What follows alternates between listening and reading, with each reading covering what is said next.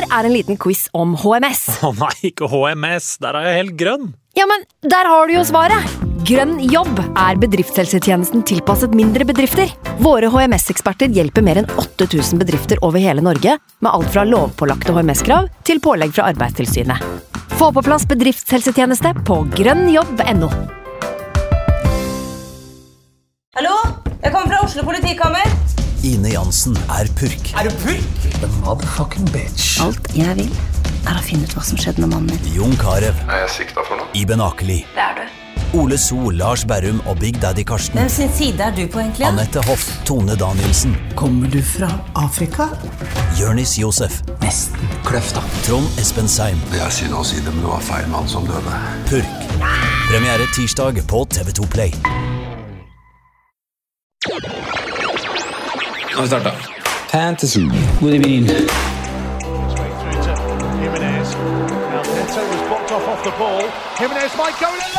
God evening.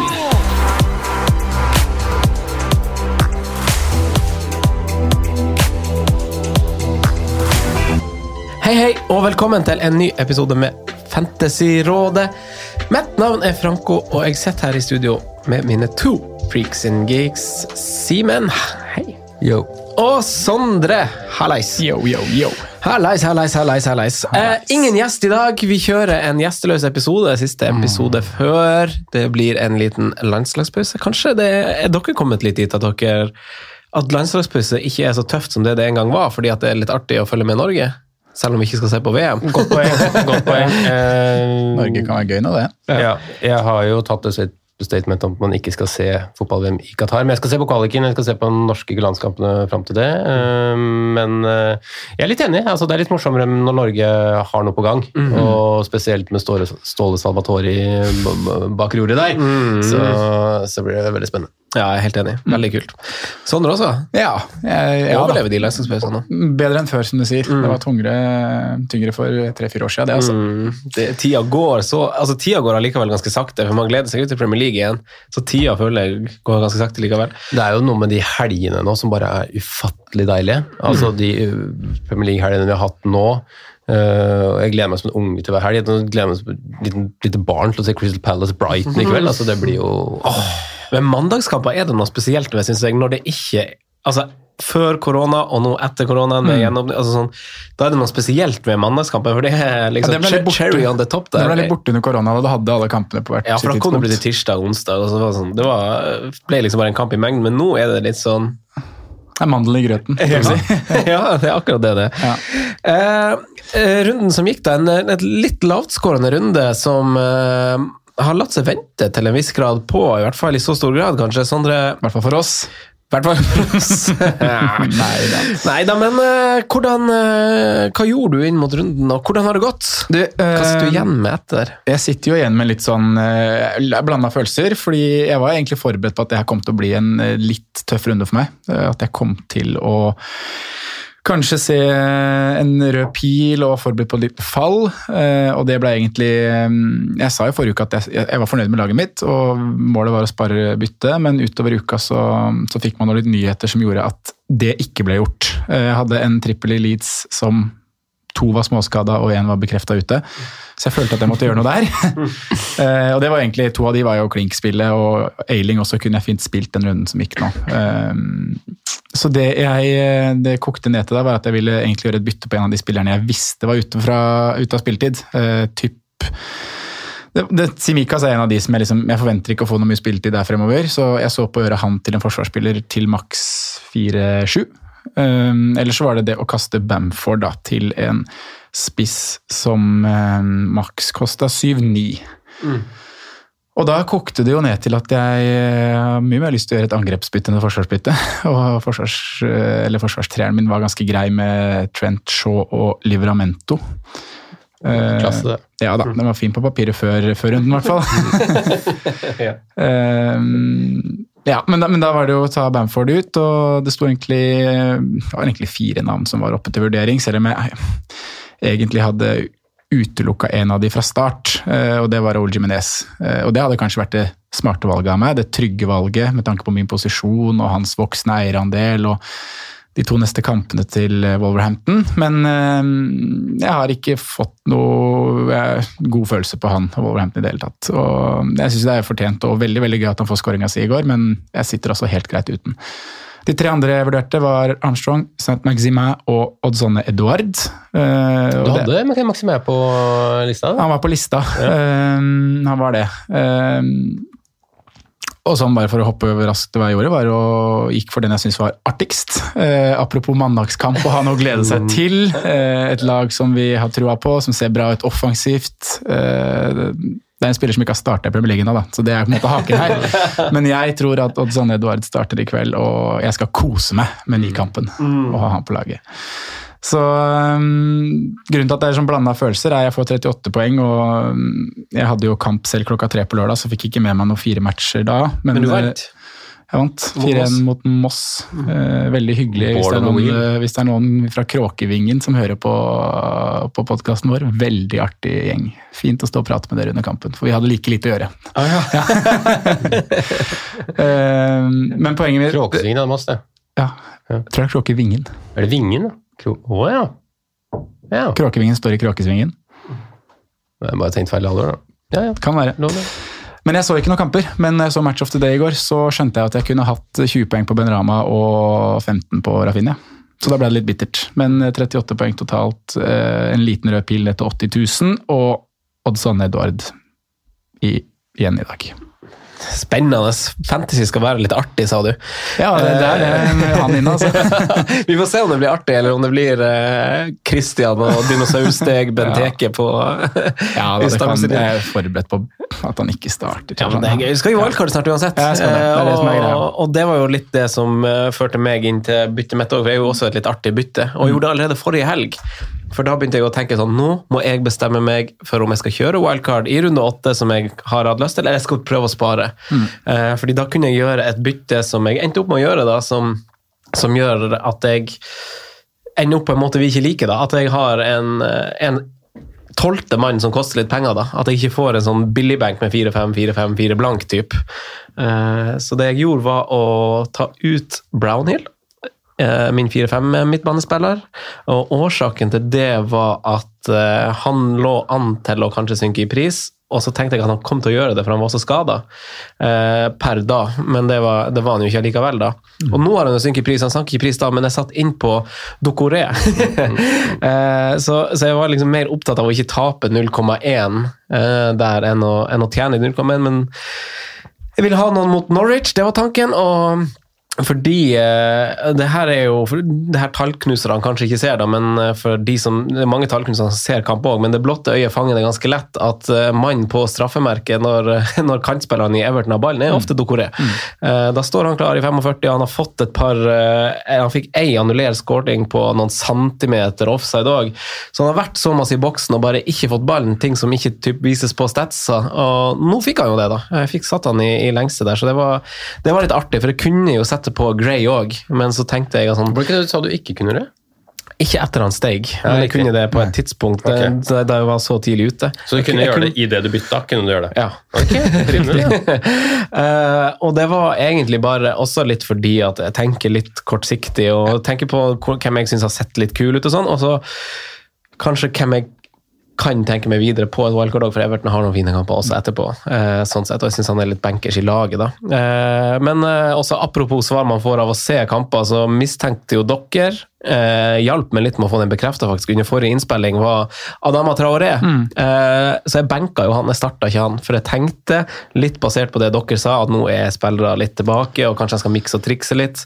Så jeg benka han, så det var jeg litt fornøyd med. Og Raoul leverte, og igjen sitter vi med følelsen Simen, av at han kunne ha levert mer.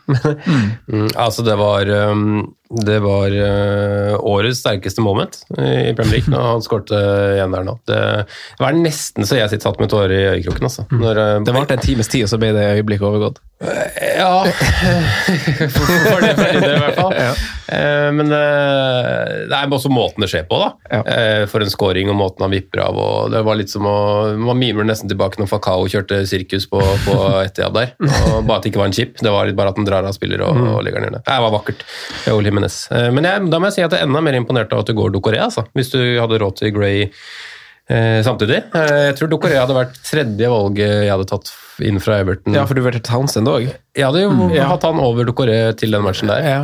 Eh, og i hvert fall med tanke på at Gray spilte spiss i forrige runde, han gjorde også det nå. Eh, og ut ifra hva man trodde da, av Rafas uttalelser, så var det eh, Demar Gray som skulle være på straffer. Eh, det sa jo Townsend i intervjuet etterpå at det, det var ingen som var satt på straffer. Han tok ballen idet det var VAR-undersøkelse, og var fornøyd med at ingen tok ballen fra han. Eh, så han fikk ta straffe. Så der tror jeg det er litt eh, up for grabs. Eh, at det er Cavert Lewin Richardson som er én og to, og så er det Townsend nummer tre nå. Eh, ja, nå er det det. er utvilsomt det. Han, eh, jeg vet ikke hvordan strafferekorden hans er tidligere, men han er vel en brukbar straffeskytter. han er en bra dødballfot. Så, Ja, han så nei, men da må jeg si jeg er imponert av valget, Franco. Men ref litt det vi har snakka om, da, hvilke plasser skal du diffe på, og når skal det gå med strømmen, når skal det gå mot strømmen? Vi har sittet veldig og snakka om at i hvert fall to av disse Everton-gutta, hvis du tar Dokoré Gray eh, Gray har fått veldig godt betalt ut fra underliggende tall, har sett veldig bra ut.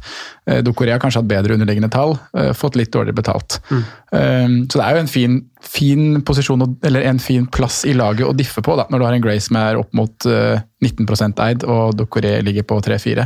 Ja, det er jo litt art, en litt artig måte å spille på med de Ja. her småmidlene man har. For det, akkurat den der gjør ikke det store utslaget i, eh, Nei, i mengden, holdt jeg på å si. Jeg føler ikke det. Nei. Så jeg står på 46 poeng. White sin eh, Du, du gjorde det riktig, du fikk jo dobbelt så mye poeng omtrent. Ja. Så Ja, han fikk med seg tre bonusdag, så det var litt digg. Uh, og så har jeg Sanchez igjen i mål i dag. og Den vurderte jeg bare altså, Jeg sa det Ja. til dere da vi var ute og spiste, at eneste grunn til at, til at jeg valgte Sanchez over Foster, var, var Sant Maxime. Eneste grunn til at jeg valgte Foster over Sanchez, var Oddson Edward. Ja, så liksom sånn, Ja. Man tar noen valg der og går all in, da. Ja, ja. Simen, da? Eh, jo da, wildcard ruller av gårde, det. Eh, premium Defenders is the thing. Eh, jeg har faktisk return på alle offensive spillere, bortsett fra kaptein. Ja, ikke sant. Eh, Cristiano Ronaldo. Jeg har eh, 6, 7, 8, 9 på midtbanen. Gray Salah, Rafinha, Sarr. Har 8-8 Antonio Jimenez og er en toer på Cristiano Ronaldo med kapteinspinnet. Så har jeg en eh, Ja da, Robertson fikk jo assisten sin, da. Det må vi ta med oss. faktisk. Var veldig bra assist. så hadde fått, hadde fått null poeng. Endte med, med tre. Én på Trent, én på du deilige Reece James. eh, som har fått 28 minutter på de to kampene etter wildcard, og nå antageligvis er ute i to, tre, fire uker. Eh, starta uka med Marsal inne, faktisk. Eh, han endte etter eh, Clubhousen på nummer to på benk. Ja, det eneste byttet jeg gjorde på, på dagen, var å bytte plass på Livramento og Marsal på benken. Eh, så, men jeg, jeg, så, jeg tror jeg hadde endt opp med James, altså. Um, Harry har 55 poeng. Ender på 65 etter tieren til Guaita i kveld. Så egentlig veldig happy. Ja, det er jo en kjemperunde. Veldig bra. Det er Veldig bra. Ferdigspilt, var det du sa? Nei. Nei, jeg ender på 65 når Guaita har spilt. Når, ja, ja, sorry. Jeg, jeg tar med tieren der. Ja, det skjønner jeg. Den får du jo. Tre saves og Nei, ja, tre saves og Jeg tror du får tre saves, ja. Ja. ja. Brighton kommer til så mye. Nei, den kommer til ganske lite. gjør Ja, gjør det. Kommer vi tilbake til senere i episoden, Sander, for hva skal vi snakke om? Vi skal snakke wildcard, wildcard, wildcard. wildcard, wildcard. Det er det eneste som går igjen i spørsmåls, eh, spørsmåls eh, der. Eh, så vi skal møte folkets ønske. Mange har trigga, og mange har sikkert et ønske om å gjøre det. Vi som har planlagt å gjøre det i åtte, Franco, vi er litt sånn trigger-happy på wildcard-fingeren nå. så vi får reflektere litt høyt rundt hvorfor vi tenker det er greit å vente. Eh, Men for de som er aktivert, så skal vi gå ledd for ledd. eh, Drøfte diverse dilemmas litt i dybden. Eh, Hvilke forsvarere tar man fra Chelsea nå? Hvor mange skal med fra Manchester City? Hvordan rangerer vi midtsjiktet på midtbanen? Og blir det big up front? Eh, Ronaldo versus Lukaku, eventuelt begge.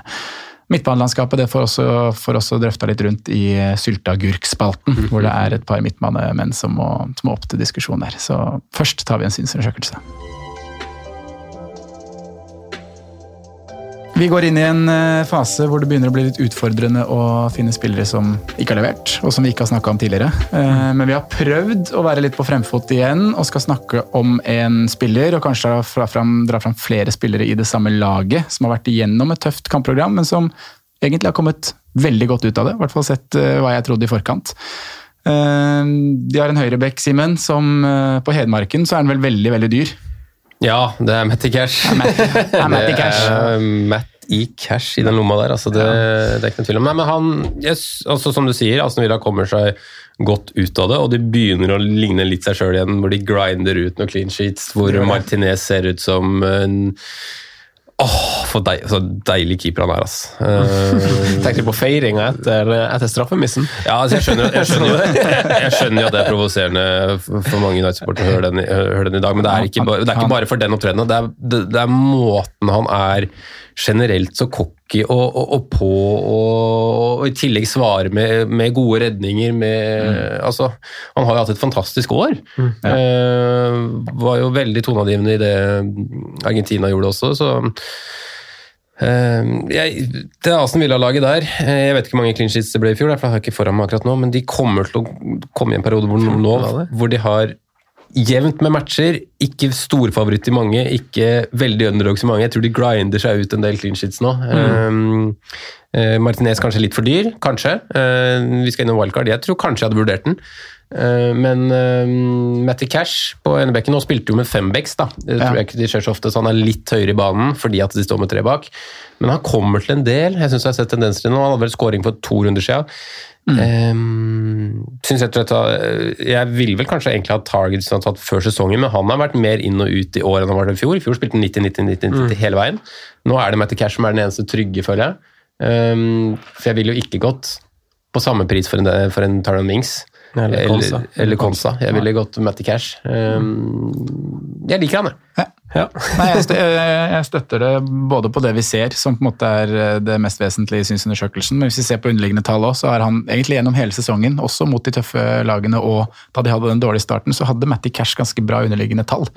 Og på de siste fire rundene så er det faktisk to Villa-forsvarere eh, som ligger topp tre med flest touch i boks.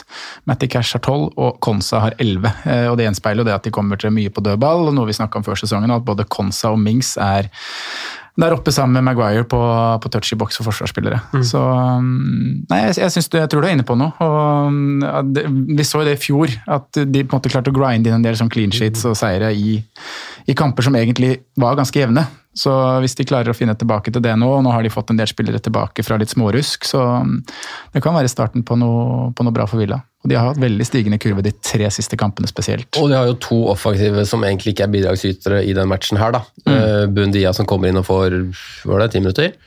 Um, Leon Bailey som var på en måte han som snudde kampen mot Everton når det var jevnt veldig lenge. Han var dessverre ikke tilgjengelig nå. Nei, og han er vel ikke tilgjengelig neste heller. Nei, han skadet Ja, en såpass, ja. ja. Mm. Ja. Men jeg t- tror det laget er litt Ikke nødvendigvis så hypa som vi var før sesongen, for da hadde de tre veldig fine matcher på rappen i starten der. Men jeg tror det er et lag som kommer nå til å sakte, men sikkert spise seg litt sånn oppover på tabellen og, og gå Kanskje ikke ta førersetet, men å være med i kampen om femte, sjette, sjuendeplassen. da. Eh, kanskje lage ditt, Franco, kanskje litt i førersetet blant resten nå, men Altså på form, da. Eh, Men eh, det er et par lag der som må begynne å, å plukke poeng kontinuerlig for å vise at de skal være der, da. Ja, men bra. Det er litt, litt watch på Villa, selv om det er jo viktig å legge til det at det, det er grønne fictures på Fantasy Premier League-sida, men det er et Wolverhampton som har tight tilbakeover, et Arsenal i form og et bra Westham United de tre neste rundene. Neste er jo grei. Tottenham borte kan bli, kan bli fin. Eh, Franco, du hadde notert deg eh, en eh, midtbanespiller fra Westham-matchen som du bare hadde lyst til å Ja, ja og vi, vi skal jo ikke ha spillere som får med, får med seg return, og det blir jo å gjenta seg sjøl, det her. Men Mm. eh, han fikk jo ikke return, men han fikk jo bonus allikevel. Eh, ben Rama. Og vi snakka, vi snakka jo om at de her offensive Westham-spillerne i den kampen der, og Rafinha i Leeds, de, altså, de kunne jo hatt, uten å overdrive, liksom tre, to, tre, fire skåringer hver. Liksom, Ben- Ben Rama sa og 20 Tony- poeng på Ben Rama. ja, ja. Nei, du, nei, du kødder ikke da, Nei. faktisk. Det, det var, på en annen dag så hadde det blitt det. Så jeg er egentlig glad for at jeg har valgt å ikke bytte ut Ben Rama, eh, da jeg så liksom andre folk gjorde det på wildcard. og sånn, og sitt, sitt fint med han nå på kort sikt, i hvert fall, for jeg syns uh, igjen, han er bra. Jeg vurderer å gjøre plass til han. Ja. Jeg har den ikke, jeg kastet den på wildcardet. Um, fikk heller ikke med meg første runden, så jeg har egentlig ikke fått med meg noe særlig der. Uh, men denne runden her så var jeg griseheldig, men det var ikke noe tvil om. Han sto på lista mi her også. Jeg syns han er um, veldig farlig. Uh, en av de jeg har vært best redd for, egentlig. Sånn ut fra hva man har sett. da. Dukker sikkert mer opp uh, prat rundt han når vi skal snakke midtbanespillere på wildcard etterpå, da. Et nederlag for United i helga kan man vel trygt si, og i en tropp til som har opptil flere spillere, angivelig med høy kvalitet offensivt, da blir man som eier av Greenwood, litt usikker. Eh, han er ukens sylteagurk. Jeg vil gjerne at dere kanskje inkluderer litt eh, Ferran Torres, Uh, litt Yota altså, Det er flere av de. Det er flere av de. Ja, det er det. Uh, og av ulike årsaker som man er blitt litt usikker på. United kanskje først og fremst på bakgrunn av prestasjonen mot Aston Villa. og Nå kunne jo Greenwood ha skåret der, men det er jo naturlig å tenke at man kanskje rokerer litt, justerer litt, eh, hvis man har et litt skuffende resultat. Simen. Hva, hva ville du ha tenkt eh, i en Greenwood-eier sine sko? Nei, um, jeg ville nok tenkt at man kanskje skal begynne å sondere markedet litt. Eh, samtidig så er det også en del andre ting som sikkert eh, brenner for folk. da. Eh, hvis man bare har ett bytte og kanskje har en show, kanskje har en nailing. ikke sant? Ehm, men ja, jeg ville nok begynt å sondert eh, markedet litt, fordi det er en del andre spillere som også for en god del billigere penge viser seg å være knallverdi, eh, god form. Og jeg syns egentlig antall midtbanespillere ikke er noe problem akkurat nå. Det er med hvem du får godfølelsen av, kanskje, men jeg ville absolutt vurdert et bytte der hvis ikke andre ting eh, brenner inne med. Altså, for nå går det jo inn også. Nå er de jo ferdig med det fine programmet. Nå kommer jo det tøffe, tøffe programmet. Aston Villa var jo en Det starta på en måte kanskje med Aston Villa som hvor gode Aston Villa er, men samtidig så hjemmematch eh, hadde grinda med seg tre poengere, selv om det kanskje ikke har vært fortjent. Så var jo på en måte United en god steam. og nå på en måte ser man jo at eh, både cuptapene og, og det tapet her gjør at de kanskje går inn i en litt sånn ond sirkel. da, og Prøver å komme seg fortest mulig ut av den, kanskje. Men ja, jeg er litt dårlig, dårlig vibe på, på Greenwood framover. Jeg må si det. Hva tenker du som eier, da, Sondre?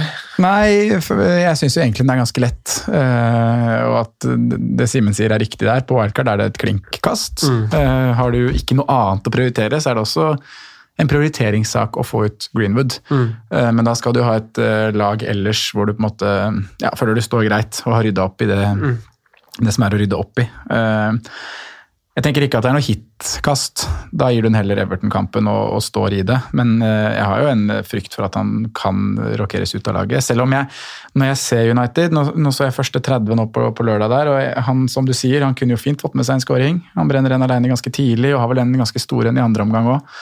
Så um, jeg er positiv til det jeg ser fra han. Problemet er bare at han eh, nå ikke setter de sjansene han kanskje satt tidligere, og at han har fått eh, litt for eh, Han spiller med ganske mange store stjerner der, som tar ganske mye ansvar. Og, og da blir det litt mindre som faller på han enn hva de gjorde før Ronaldo kom til klubben. Så um, jeg blir ikke overraska om det rokeres at Greenwood plutselig er ute av laget, men igjen så, så er han en av de beste, syns jeg, når de spiller. Jeg vet ikke om dere deler meningen min. Jeg nå så dere hele kampen på lørdag. Jeg så første 30, og da syns jeg han gjør mye riktig. Så egentlig ingenting, jeg. Jeg prioriterte den andre kampen som gikk samtidig, og så prøvde jeg meg på en Det var ikke mulig å ha to skjermer med abonnement, så da måtte man prøve å finne en eller annen dårlig stream på telefonen samtidig. Øhm, så jeg så egentlig altfor lite til å, Ja. til å måte, prate rundt det. men det er, jo, det har jo vært et tydelig tegn nå rundt United at eh, de spiller på en måte på en litt, litt andre type strenger. De prøver å servere den ballen til han som er helt på topp der. Mm. Det skal veldig mye sentrert inn der, og så syns jeg Bruno egentlig har vært egentlig litt bedre enn forventa fram til kanskje kampen nå, ut fra hva jeg skjønte. Og så, det, lugger, det lugger jo litt offensivt der, da, fordi at de skal spille på en måte, og så funker ikke det helt, og så har de syns jeg de sjelden har veldig tydelige mønstre bakfra. Det er liksom litt, føler jeg er så tilfeldig hva som skjer fremover der. Ja. Men han er jo det som har vært forsen med Greenwood før, da, er jo at han har vært så effektiv i forhold til hva han har fått av sjanser. Og når han begynner å sløse nå på de sjansene, så er det sånn eh, Da er det kanskje ikke han man skal Men, ha, da. men det er bare én kamp, da. Men ja, jeg er helt, jeg er helt enig. Og jeg eier han jo sjøl, og jeg tror eh, Nå må jeg ha litt de prisstigninga sånn i bakhodet også, synk ikke minst, men jeg tenker at det kan godt hende jeg napper han ut som en slags sånn en, week, en weeks, en ukes punt, dersom Shaw friskmeldes. Men hvis Shaw er ute, så må jeg kanskje gjøre, byt, må jeg gjøre bytte der, da. Eh, men uh, Men det er ikke snakk om å nappe ut begge for en minus fire. Nei, det er det ikke. Ikke, ikke runden før eh, Men så et det- planlagt wildcard. Men så det hadde jo ikke skaden til Shaw. Hvordan, hvor alvorlig så det ut? Så hva man hørt Har, man, har vi fått noen statements på det? Nei. Ikke lest noe. Jeg syns ikke det så alvorlig ut. Men uh, det er jo Setter seg ned. Ja. reiser seg opp, prøver det- litt til, og så ned igjen. Så det er sånn Det òg er jo på en måte en sånn hvis man skal tenke at, eh, nei, at Manchester United skal ut der mot Everton og, og, og styre og dominere og, og være veldig gode, så hadde jeg jo sett for meg at de skulle hatt eh, to fine bekker som kunne liksom være med å brette ut spillet og sånn, da, fordi kanten deres er veldig innoversentrert nå. Det er veldig fokus på inn i midten. Det er det. Og hvis du skal spille med Diogo Dalot på, på venstrebekk som er høyrefota, og en Van Bissaka på motsatt bekk som helst ikke vil ha ballen, så føler jeg at det blir en kamp som veldig blir knota inn i midten, og det skal bli vanskelig for de å, å dominere. altså. Ja, det blir trangt. Er nesten så jeg hadde foreslått til Ole at han skulle bruke Joan Mata for å få noe føtter og inn fra siden der. altså. Med Dansesko inn i midten der.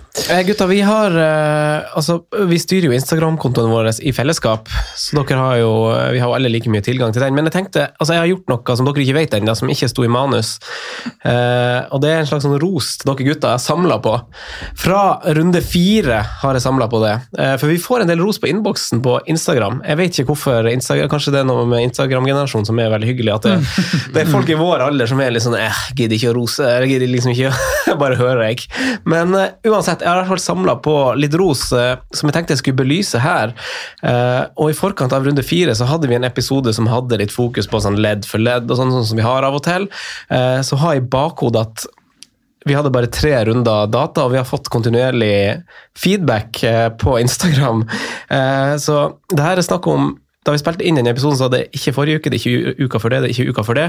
Så det her er et slags selv om det er ros til dere, så er det også en slags sånn pressmiddel. Eh, litt sånn som vi som er pedagogguttene vet jo at man motiveres jo litt av å få den rosen i plenum, så nå kan dere få en respons fra lyttere. kanskje sånn, nå, nå, nå har dere vært flinke, og nå vet dere at dere må fortsette å holde det gående. Fordi eh, vi skulle da gå gjennom, basert på de tre første rundene og perioden vi gikk inn i, som vi er inne i nå, skulle vi snakke om diverse spillere og hvem vi skulle se framover mot. Keeperne dere nevnte der, det var Guaita og Sa. Gått veldig, veldig, veldig bra for de som valgte de. Ja. Forsvarere som ble nevnt i den episoden, var Wolverhampton, det var Rydiger, det var Tierney slash White, det var Cancelo, det var Everton. Gått veldig bra med alle. Kjempebra, gutter.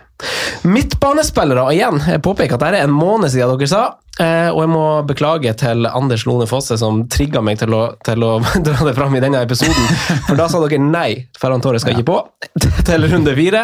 Og så siterer jeg litt med modifikasjoner. eh, Sondre Turå og deg. Så sa du sett heller på Sarr, sett heller på Rafinha, sett heller på Adama Traore. Ja. Eh, Bob, Bob, Bob. vi setter inn Yota ved skade på Firmino. Simen sitter inn, setter inn Gray. Eh, nå sa altså Kim Midtly var på Gray før eh, runde én. Han, altså, en, en gang i løpet av sesongen skal du ha Gray.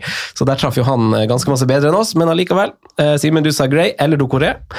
Eh, og så sa du også Yota ved Femino-skade, og vi sa Saka. Bukayo Saka i Arsenal. Det har også gått veldig veldig bra. Eh, Ikke gått så bra med Adama, men resten har det gått veldig bra med. Eh, På topp så sa dere Antonio, Dominic Hermit Lewin, vi visste ikke om skaden, Bamford og Raúl Jiminez og Dennis. Ja.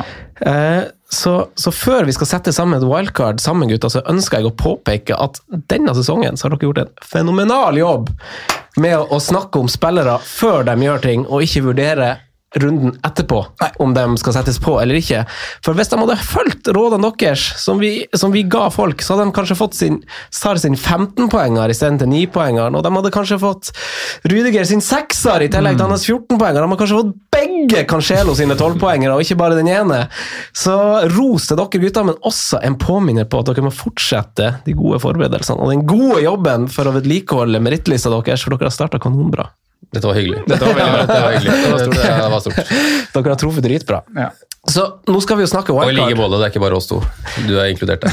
Ja, vi, vi samkjører jo litt, men allikevel. Det er bare Og, og igjen, det, det her er liksom et sånn uh, Altså, jeg satt et sammendrag sammen basert på Altså, når folk skriver innboksen vår på Twitter, så antar jeg altså sånn jeg, altså, Hvis jeg hadde skrevet på innboksen til noen, så ville jeg kanskje ikke ha blitt brukt på navn på, på podkast. Så, så jeg har valgt å ikke bruke navnene på For det er ulike folk som har satt på f.eks. Cancelo og Rydiger. Derfor jeg dro frem de navnene i oppsummeringa der, og Sarr Mm. eh, i runden før 15-poengeren istedenfor bare 9-poengeren.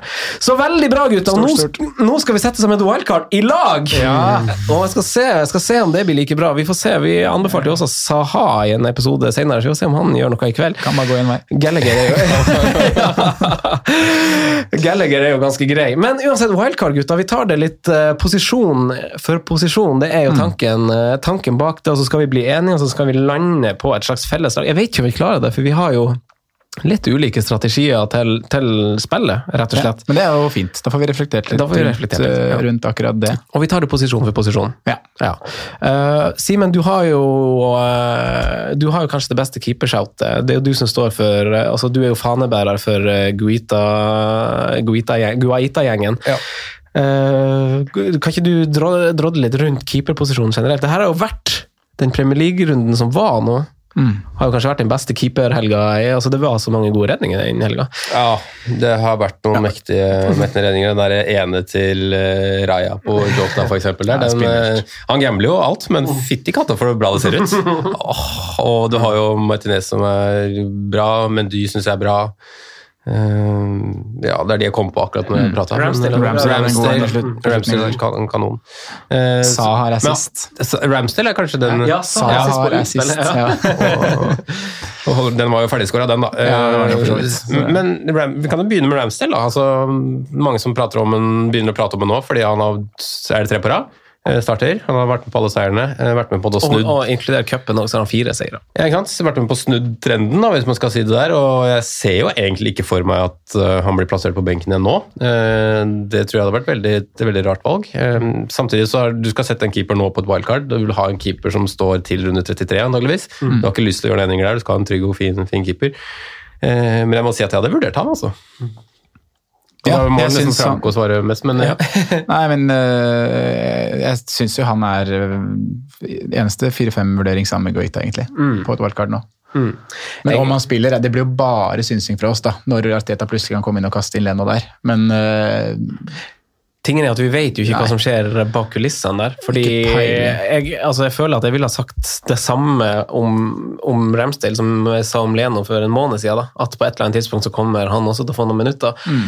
Men uh, tingen er jo nå at man vet jo ikke om, om det om liksom Ramsdale skal satses på og Leno skal selges i januar. Jeg tror casen er litt annerledes den veien kontra hvis det hadde vært Det var- Leno som hadde stått. Det var jo veldig fascinerende at Hansi Flick da, var på Emirates i helga. Den eneste tyskeren som var i tropp, var Bernt Leno på benk.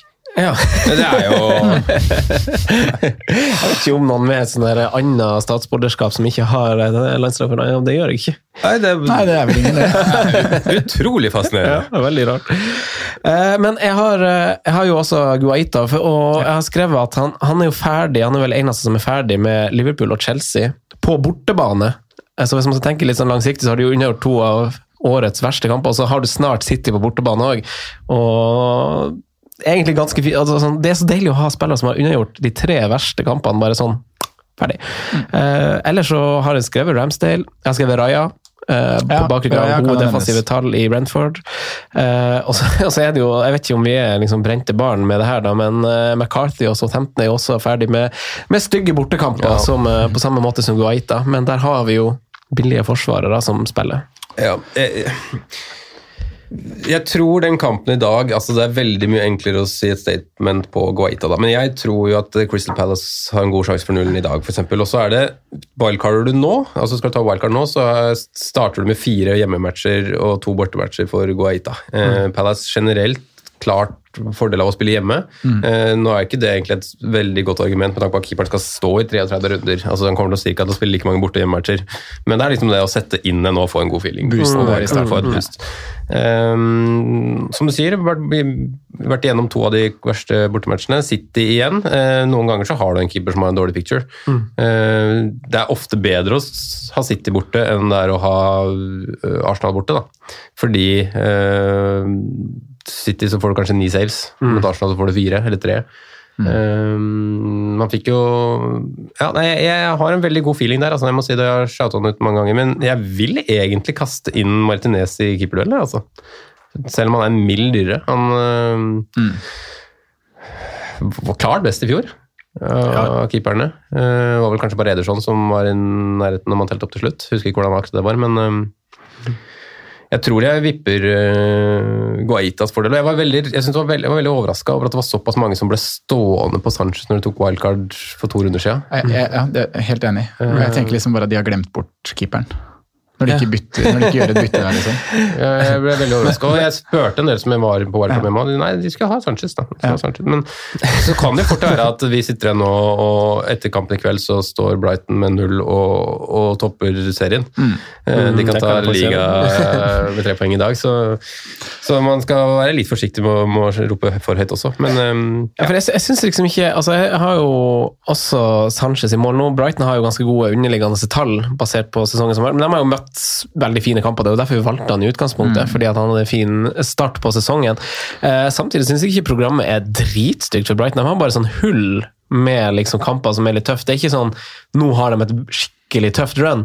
Eh, så eh, en 4,5-keeper i et lag som kan ligge på førsteplass Det er litt sånn rart å bytte ut det, men jeg tror jo jeg kommer til å gjøre for jeg tror jo de ligger der pga. lagene de har møtt hittil.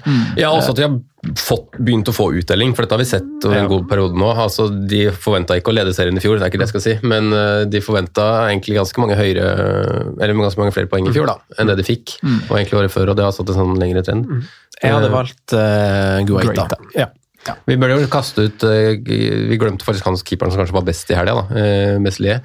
Eh, Ja, jeg som, eh, greit, ja, som, så, så Michael Owen så på, så på Leeds-treningen da han var 16 år, tydeligvis. Eh, veldig spesielt utspill, for han, var ikke, han kom til Leeds når han var 19, vel, eh, fra Loré, men eh, Michael Owen hadde sett på treningsfeltet når han var 16. Ja, ok. Her eh, blir han gjennomskua, rett og slett, eller har han vært på prøvespill? Det kan er som spørsmålet. Er du en løgnkuk, eller? Får, det ikke til å stemme, i hvert fall. Nei, nei, det rimer jo ikke. Helt klart. Jeg, jeg ser eh, jo kanskje at vi skal gi en shout til Mendy, da. For jeg, jeg, det lar seg gjøre å ha dyr keeper på, på wildcard. eh, Hvis man velger to premiums og krydder bra med mellomsjiktespillere på midtbanen. Så hvis du ikke er eh, Hvis du vil ha to defensive fra Chelsea, men ikke er sikker på hvilke to forsvarsspillere du har, så er Mendy en som kommer til å stå det meste så lenge han er skadefri. Så jeg har sett noen fine drafts med han på, han på laget. Ja, han er jo kanongod, så ja, nei, jeg, eh, jeg slår nok et slag for Guaita, men jeg syns Jeg hadde ikke Tor Ramsdale sjøl, og så har vi også 4-4 Ben White der, vi har Tomiyasu også. Det er det at det er fine Raja, alternativer. McCarthy Ja, det er liksom billige forsvarsspillere også, sånn, som Og de virker litt bedre enn forsvarsspillerne i Crystal Palace, da. Eh, rett og slett. Men eh, Skal vi sette Guaita da og setter vi Guaita. Foster, eller? Ja, det blir det. Det blir jo fort vekk, det. Når vi har en 4-0-keeper som, eh, som starter, så er det ikke tvil. Vi har vel, mye penger har vi? Skal vi ta utgangspunkt i Kanskje si det for lyttere hvor mye penger vi har å gå på her? Jeg har, jeg har satt opp jeg har tømt mitt lag òg og liksom satt opp litt sånn Ja. Litt sånn her, Skal vi sette bakre femmer, da? Sondre, du kan jo få, få starte. Hva, skal vi inn tungt? Skal vi inn lett? Skal vi inn eh, Hvordan skal vi inn? Det, nei, det er det vi må finne litt ut av. Og den vanskeligste diskusjonen på, på wildcard nå er vel å finne ut hvor mange og hvem du skal ha med fra Chelsea og City. Eh, og så har vi vel en samstemt eh, Vi er vel enige om at Trent står der. Um, jeg har laget draft med både to forsvarsspillere fra Chelsea og to forsvarsspillere fra City, altså spilt fire bak da. Jeg mener Trent og Livramento, de er med. Og så må du velge om du skal ha uh, to fra City eller to fra Chelsea ved siden av. Det er egentlig der jeg har landa. Ja, og på en, noen vil sikkert gå trebecks, da. Eh, Da hadde jeg faktisk tatt eh, Bare for å skyte inn, jeg trenger ikke å diskutere det. Jeg er enig med deg, Sondre. Men hvis du skal gå trebecks, så er det jo faktisk Mankio som du skal ha som eh, 4-0 over eh, Brandon Williams. Ja, men hvor- jeg tror han er klink liksom, i uoverskuelig framtid. Eller blir det Ja. sånn du kommer der til jula, har han på wildcard, altså. så Starta tre på rad, da. Jeg tror uh, Mankio får flere clean på ti kamper for Newcastle enn det Brandon Williams får hele sesongen for Norwich. Ja, det kan være et uh, vesentlig poeng. Det kan det være. Uh, spiller kanskje ingen eh, rolle, sånn sett, men ja. Jeg, eh, hvor, man, hvor står dere på Chelsea-forsvarere, da? Det er det hvis vi skal starte der. ja, Eh, og, Du ser jo hva du vil, da. Altså Går ut i helga og har ikke lyst til å angripe. Nei. Og det er greit nok at det er City, ass, men uh, den muren der, den bussen, den skal stå. Mm. Og den kommer i hvert fall til å stå nå mot Southampton, Brentford, Norwich, Newcastle, Burnley. Veldig fint program. Og da fristes jeg veldig å ha med to. ja. Men hvem velger du, da? Altså, føler, er, du- er, er, er du trygg nok på Alonso til å velge han? Reece James og Alonso. Han har vært kanon hele sesongen, men nå er jo liksom Chilwell litt tilbake i det. da, Spilte cupen og Mm. mental fatigue og whatever har jo vært årsaken til at han ikke har spilt. Men eh, så har jo også Alonso grepet muligheten med begge hendene. Har vært kanongod. Mm. Eh, hvordan stiller du deg til Alonso på Eller hva tenker du om wildcard, egentlig, sånn generelt? sånn, Når skal du aktivere? vi har, vi har snakka altså sånn, Mange skal kjøre nå i sju. Ja. Vi skal kjøre i åtte. Vi skal kjøre i åtte. Ja. Eh, Men jeg føler jo Jeg har vel lyst til å gjøre det i runde syv, jeg òg, men eh, jeg føler at laget mitt rett og slett er for bra til å, å wildcard nå, da.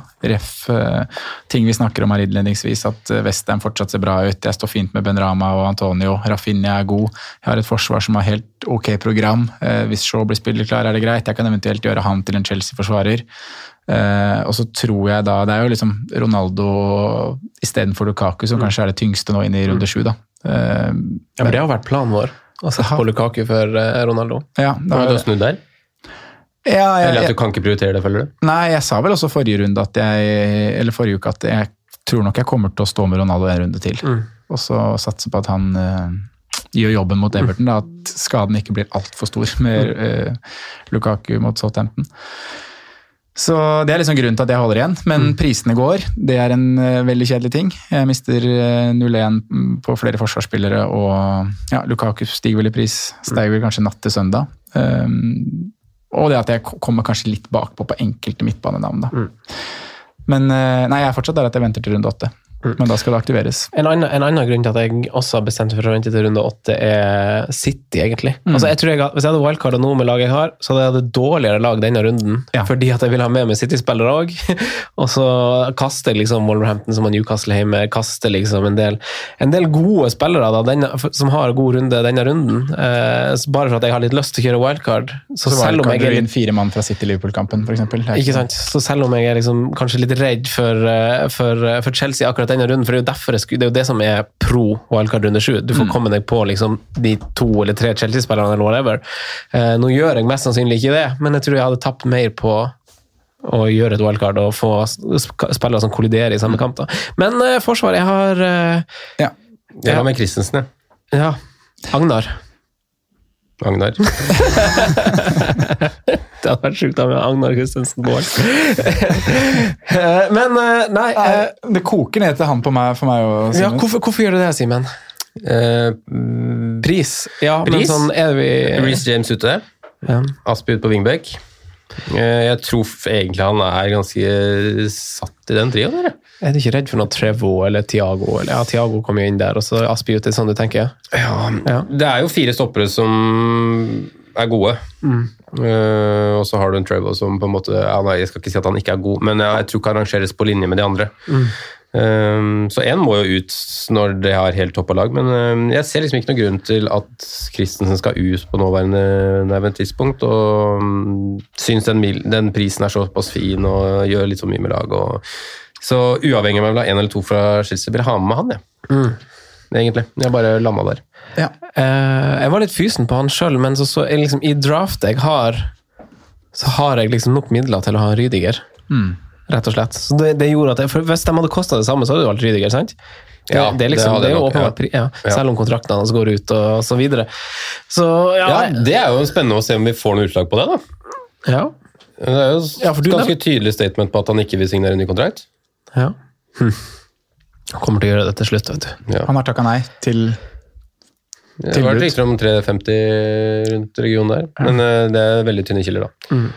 Men ja, Christensen, er vi for eller mot dobbel? Eller vi er vel kanskje for, men prioriterer vi dobbel?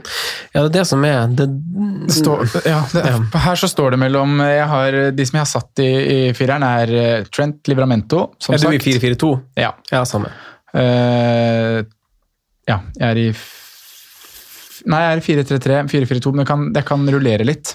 4-3-3 er jo bedre. Ja. Det var det jeg liksom har tenkt på. Sånn, det er masse bedre med 4-5 midtbanespillere enn Men da har jeg litt penger å gå på. holdt jeg på å si. Man kan leke seg ganske bra enten på den siste midtbanespotten eller spisspotten. Ja, ja. Eh, men eh, Trent Livramento står klink. Det samme gjør Cancelo. Mm. Eh, Enig. og da står det da om jeg skal ha med eh, to fra Chelsea, eller om jeg skal ha Diaz ved siden av. Eh, så jeg har satt i det draftet jeg har her nå, så har jeg satt opp eh, Cancelo, Trent, Diaz, Rydiger, Livramento. Men der kan jeg også ha Cancelo, Trent, Christensen, Alonso, hva du måtte ønske. Rudiger Rydiger, Livramento. Det som er, Vi har litt midler til gode her som kan shuffles litt. For jeg har, jeg har jo egentlig Jeg har også Cancelo, Trent, Rydiger, Livramento. Så, jeg kommer sikkert til å fortsette å stå med Ben White, for jeg gidder ikke å selge han når jeg har sunket i laget mitt. Ben, og det som er fordelen med Ben White og Livramento, at de to rullerer jo egentlig ganske fint. Hvis du ser for deg at med, Sånn som vi snakka om i forrige episode, at, at vi ser for oss en del nuller på Arsenal eh, inn mot nyåret, til og med. Så i liksom de kampene hvor, hvor Arsenal har litt tøffe kamper, Liverpool borte for eksempel, så har, eh, så har Livramento Norwich, eksempel. Så den passer ganske fint sånn, i sånn tospann. Mm. da skal du spille fire bak, da, og rullere de to. Ja, Ja, rett og slett. Det er en fin mulighet. Ja. Eh, Men eh, som du sier, altså, også med Metdraft Met så har jeg råd til å gjøre uh, White eller Livramento til en masse bedre forsvarsspiller, eh, og bare stå med en firer. Faktisk. Men uh, vurderinga jeg tok, var at da, da, det er litt kjekt med litt i banken òg. Ja, ja, for å liksom kunne være den der fleksen. Kanskje du plutselig må ha De Bruyne i stedet for uh, den vi har valgt, eller noe Mm. sånt. Så har du litt, litt å rutte med. Uh, det er vurderinga. Men vi har jo Og jeg har ikke noe god følelse på, på eller sånn, jeg har en god følelse på Diaz, for jeg vet at det kommer til å komme masse sekspoengere. Ja. Men igjen så syns jeg det er dyrt å betale det for sekspoengere. Han koster 6-1 vel nå, hvis du kjøper den. Ja. Så du kan veldig fint argumentere for at Diaz egentlig ikke er et godt valg, Mm. men vi vet og tror da at den, den Eller vi tror og kanskje vet, fordi vi så det i fjor, Mm. at den fasen City kommer i nå, eh, på dette tidspunktet i år, så bare grinda han inn clean sheets hele veien. Ja. Og da sto vi med Stones og Diaz da til sek Nei, 5-5 og 5 var det vel de kosta da. Ja. Så det var 0-5 ned på, på begge to. da. Men jeg tror også det er verdi å stå i Cancelo og Diaz til 6 Men igjen, vi, jeg også. vi har da tre helt like. Livramento, Cancelo og Trent. Ja, Alle, altså Alle har vi, Altså har du Men jeg har, altså, jeg har ikke trykka så mye på, på det wildcardet sjøl, da. Jeg tenkte at du skulle bli enig med det. Men jeg har Jeg syns Christensen på pris, jeg syns Matty Cash på pris, at de skal inn i, inn i, inn i krigen her. Um, så jeg er litt usikker på hvem jeg ville dobla av City og Chelsea hvis jeg skulle dobla. Jeg ville jo kanskje tenkt at jeg hadde, hvis jeg hadde satt meg ned nå en seriøs uke og skulle bare til wildcard, så tror jeg kanskje jeg hadde kokt ned til en av Chelsea-gutta over Matty Cash mm, samme. mm. enn så lenge. Ja. Selv om jeg har veldig lyst til å liksom si Matty Cash nå. Vi har prata litt opp. Jeg tror at det sto litt på Du har litt opp. Eh, ja, han har en større offensivt return-potensial enn Rudiger, enn eh, Ruben Diaz, de gutta der. Så det er bare, bare sånn ønsketenkning. Men det er liksom det programmet som snur veldig brått nå, da. Eh, jeg tror jeg hadde endt på Rudiger Christensen. jeg. Nå skal vi sette de to, da. Ja, ja, eh, Dropp Alonso, da. Ja. Ja. For nå tar vi wildcard. Men øh, ja det, liksom, det er det Jeg skal gjøre kanskje en Chelsea-spiller inn nå, og ha wildcard i neste runde. Da har jeg lyst til å punte på Alonso. Ja, ja. ja, ikke sant? Men uh, når du nå skal sette et wildcard som, som ja, du sier det skal være kanskje til runde 33, da, Mm. så vil du kanskje gå det sikrere. Men så er spørsmålet er Christensen så mye sikrere enn Alonso. Ja, det var jo det, da. Det var jo det. Ja. Uh, nei, men jeg er med på den å shippe ut, uh, shippe ut Ben White. Da står vi med Vi er ikke der at vi vil bytte, droppe Guaita og ha Mendy isteden. Vi kommer til å ha penger til det, Nei, jeg vil ikke. tror jeg. Jeg tror ikke jeg heller vil det. Nei. Nei. Da kjører vi de fem. Plutselig får du bruk for de pengene, Mm. og så er det kjipt å bytte ut en keeper keeper, for å frigjøre en middel et. Eh, bra forsvar, da. Da er det jo åpenbart eh, til en eh, Da vil ikke Livramento spille, da. Eh, så han blir liksom bare den backen som er der. Og han har fine kamper nå framover. var fine kamper. Bortsett Men han kommer inn når Christensen benkes. Ja, det gjør han. Det er jo kjekt. Det er veldig kjekt. Og det er jo også pro, eh, pro altså sånn, Han kommer ikke inn i en kamp mindre med det er min skadesituasjon eller noe veldig merkelig oppstår. Eh, skal ikke se bort ifra at det blir et wingback-bytte hvis Skilveld starter en kamp, liksom, og Alonso kommer inn. og Han skårer jo sikkert på volley fra 20 meter eller noe sånt, men Men vi er helt vekk fra billigforsvaret, da. Det er jo litt egentlig litt fascinerende når man ser uh, egentlig en del bilforsvarere er oppe der og, og kriger, men det er liksom det føles ut som du har trukket det lengste loddet når du, hvis du sitter med Pontus Jansson eller uh, Det lengste loddet. det lengste loddet. Eller Finnok, da. Det lengste loddet med Simen Asum. Det- Ja, men hvis du trekker sånn her, du skal ta det, ja, jo. Det lengste strået, er det vel det det kanskje heter. Um, jo, uh, tror du har hatt flaks hvis du liksom skal sitte med Pinnock, eller velge den andre fire-fem forsvareren som liksom matcher de her over de neste ti rundene. da. Ja. Jeg ser ikke Og det er, det er Ben. White, hvis det er noen for meg, altså. I den Ja. klassen. Ja, egentlig for meg òg. Altså sånn, Vi sjekker jo litt stats og sånn, og så, så liksom på skudd mot i boks og store sjanser mot. altså På skudd, mot- skudd mot i boks er jo eh, Leeds er jo solid eh, liksom på sisteplass. Det er 73 skudd mot.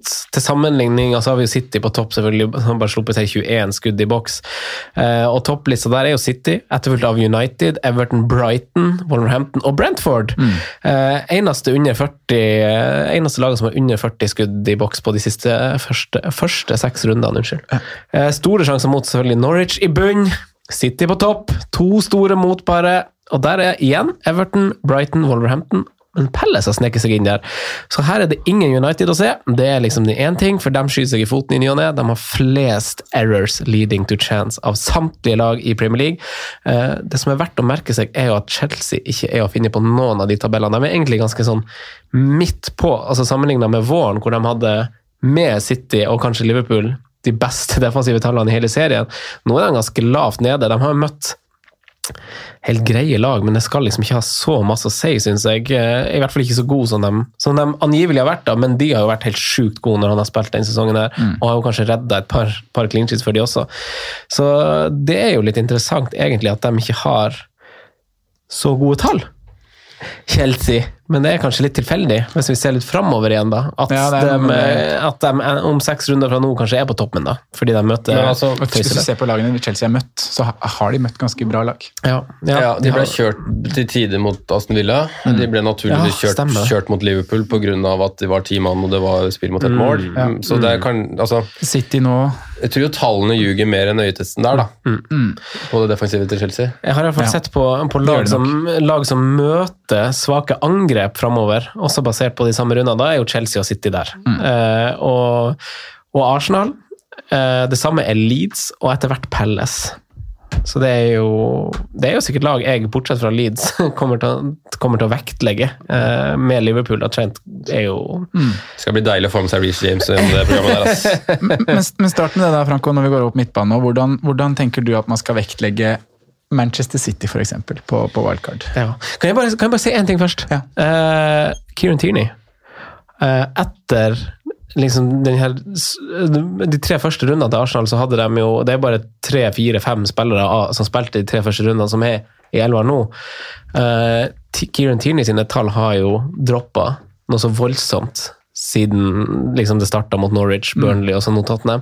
Skapt to sjanser siden runde fire, han. eh, Og han har en ganske annerledes rolle nå i en skadefri tropp, hvor det offensive ansvaret er masse større grad på Smith Rowe-saka. Eh. Ødegaard, ikke minst. Og innleggene hans er egentlig ikke så bra, når det er de der innleggene som kommer litt fra distanse. Fra liksom sidelinja, fra innkastene der. Han er best når han er i og rundt 16 og får prikka ei pasning i 45, eller noe sånt, for innleggene hans mm, Er Robertson-syndromet? Kanskje Skottland-syndromet. Ja. Men eh, ja, midtbane og City. Jeg har jo med City-midtbane på, på laget mitt. Og, og til en viss grad så Man får jo altså Nå har vi kjent han Pep lenge og på ingen måte tolka han, men man får litt sånn magefølelse rundt noen ting han har. da. Vi husker jo hvor han cradla og kødla han Stirling da han liksom kom dit. Han spilte jo alt. Eh, og jeg føler at Grealish er litt samme greia. da. Kanskje han, basert på tall, høye topper osv., kanskje ikke er det beste valget i City, men til prisen av åtte og så Sannsynligheten er vurdert til at han starter kamper som er ganske høy, sammenligna med spesielt liksom, dem han konkurrerer med i prisklassen i klubben, da, som liksom er Ferran Torres og Bernardo og Foden og sånn, så tror jeg, så tror jeg Greeley starter ganske masse. Men tror du han kommer til å være involvert i nok målpoeng til at det er verdt det? Hvis du ser på det han har levert nå de siste tre-fire kampene. Det er spørsmålet, og jeg For han har spilt så å si alle minutter, han har 1 pluss 1. Ja. Og den skåringa hans er jo en ball som treffer den i leggen. Og Du, det der var et dritbra mål. Jeg hadde han da, jeg husker Så bra med det målet der var feiringa. ja. Dork-feiring. han, er, Men han er en fantastisk spiller. da. Han var jo veldig god nå synes jeg, mot, uh, mot Chelsea og Ja. produserer jo mye. Men jeg, jeg har dessverre litt uh, samme feeling som deg, Sondre. Uh, eller jeg vet ikke om du har feeling, men du, du shouter i hvert Jeg, fall. skjønner- jeg syns det er i hvert fall viktig å drøfte det. da. Ja. Om han kommer til å ha målleveransen som er god nok til å forsvare den prisen. ja, det det Eller om det er handler bare om å få en Du vil bare ha en mann i City, og da tar som mest. Og, og det er jo feil tanke å tenke Ja. sånn. ikke sant? Fordi det, Den fella har vi gått i før, at vi tror det er lurt å velge en spiller fra et godt lag. Og det er jo isolert sett det, men så har man parallelt sånn mainmen i andre lag som er dårligere, men som leverer masse mer, for de er viktigere for laget sitt. Mm. Uh, og Grealish er jo i større grad en i mengden i City enn det han var i Villa. Ja. Så han vil jo ikke være like toneangivende når kvaliteten er så stor rundt han. Men uh, jeg uh, Hvem, hvem går det på bekostning av? Hvem er det du på en måte dropper? Eh, Det er jo det, jeg, føler ikke at jeg dropper noen spesielle. Jeg har ikke råd til De Bruyne i det jeg har satt opp. Nei. Jeg har også vurdert eh, en 4-3-3 med Gabriel Jesus. Han har også ja, spilt i alle er- kampene, og han har backes med gode innleggende tall. Og igjen så er det sånn Det er ikke noen jeg tror jeg ville ha anbefalt noen å tatt, men det er kanskje en spiller jeg sjøl kunne ha valgt den opp med på wildcard fordi at jeg har en hunch på at nå går det kanskje bra. da. Mm. Så jeg kan ende opp med Gabriel Jesus på laget mitt, men jeg vil ikke fortelle Per eller Pål at Det gjør du. ja, nei. at det burde du gjøre. Uh, og da vil jeg heller, hvis det skulle gå litt sånn trygt, så Men hva tenker dere om De Bruyne og Foden, da? Jeg vil ikke den, spør jeg dere. Nei, men det er jo de Nei. kampene som kommer her da for City, som er så sabla solid. Altså det er Burnley, Brighton, Palace, et litt Derby-oppgjør der. Everton, Westham, Villa Nei, det er, det er hakkamat for, eh, for City der. Det er det jo. Det er jo det. Bang, bang, bang, bang, For all del, altså. Ja. Eh, men jeg har, bare ikke, jeg har bare ikke kommet dit at jeg har den store frykten av å gå uten. Nei, Eh, for det er, ingen, det er ikke så mange som går med. Nei, det er nettopp det. Men eh, er det, hva, hva hvis det smeller fra De Bruyne nå? Hva hvis vi ser han mot Liverpool nå bare er helt sånn derre Å, fy faen, hvor god han De Bruyne er. Ja. Altså, sånn, vi har bare liksom glemt han av, for han har ikke vært med. Og så er det sånn, eh, så ser vi han piske inn de her eh, bak forsvarerne der, og Gabriel Jesus slår luka på Becker og stanger inn. Og Og da er nok den uh, en turnaround for min del, altså. Eh, men da handler det jo om å se på om man klarer å klemme inn De Bruyne i tillegg til Salah og Lukaku, da. Ja, og altså- det, og det syns jeg var vanskelig å få til. Ja. I hvert fall hvis vi skal ha litt sånn tungt forsvar. For vi skal, skal vi sette for vi, vi, vi setter jo Salah Lukaku i laget vårt. Sånn Uavhengig om man vil ha De Bruyne eller ikke, så er De Bruyne i tillegg til Salah og Lukaku. Ja. Ja, jeg støtter det. Det er noe hos meg. I hvert fall. Altså, får man De Bruyne tilbake igjen i 1920-form med 36 målpoeng, eller hva han endte med, så er det jo nesten bare å hurra meg rundt og få han inn på, på et eller annet vis. Tingen er jo at han er jo ganske dyr. Han koster jo Han er 11,9. ja, han er Sabla dyr! Ja, han er det. Uh, så jeg eh, Nei, vi får vel en slags altså Vi som ikke er på wildcard nå, får jo en slags sånn uh, Vi får se da, Sondre, som skal sitte i wildcard, nei, landslagspausen og kose oss med det. Ja. Uh, men per nå så ville jeg Jeg tror kanskje jeg ville ha valgt Grealish, selv om jeg syns du slår et har et veldig godt argument Sondre, med det at man får en følelse av at man bare skal dekke City. da. Eh, men eh, man kan jo altså Han har jo Han er jo i sjanseskapertoppen, Jack Grealish. Det er bare Bruno og Arnold som har flere pasninger som har blitt til avslutning enn Grealish. Og det kommer jo av at han spiller mange minutter, da, eh, og, og De Bruyne ikke har spilt, at han kanskje har den der. Men igjen så er det ikke veldig mye Det er ikke veldig mye store sjanser sånn han skaper, egentlig. Så I don't know! Nei, I don't know. Kanskje, Nei. kanskje jeg ville ha vippa Jesus. Altså Gjennom 8-9-10 så er det garantert Riyad Mahrez som sitter igjen med, med Ja, Brace det er der. sånn det altså, blir, den du. skulle hatt, og så Men Foden da, han er jo nede på 7-9 nå. Han kommer jo, som, som vi liker å si om sånne spillere, han kommer ikke sikkert ikke til å koste det igjen. Nei, men han spilte jo spiss nå. Um, litt flytende, flytende rolle, men jeg ender med samme, samme regler. Altså, jeg veit ikke det er, det er som å kaste dartpiller, som jeg har vært inne før. og jeg har ikke peiling jeg, på hvem man skal ha. Det eneste jeg på en måte hadde følt meg relativt trygg med, at i hvert fall starter, er Jack Willish, men så er det argumentet Sondre og, og, og samme feeling som jeg har, at Usikker på om det er nok, altså. Mm. Jack Ja. Men det, ja, det som er med gode spillere, da, er at de får jo litt poeng. Uansett. Men uh, hvem dere har bankers på midtbanen ved siden av Sala? Hvem, uh, hvem er klink? Har dere noen som er klink? Rafinha. Ja, Ja, ikke sant? Jeg er også Rafinha som Ja, klink. samme. Men uh, der er det jo en ting vi må, vi må drøfte litt, da, Simen. Som du, eller det var vel en på klubba som gjorde oss opplyst om det. Eh, Ja, det har jeg prøvd å finne ut av det. Brasil spiller landskamp 15. ja. Leeds møter- spiller seriekamp 16. oktober. Um, Oi. Det samme gjelder jo for så vidt antageligvis Jesus. Ja.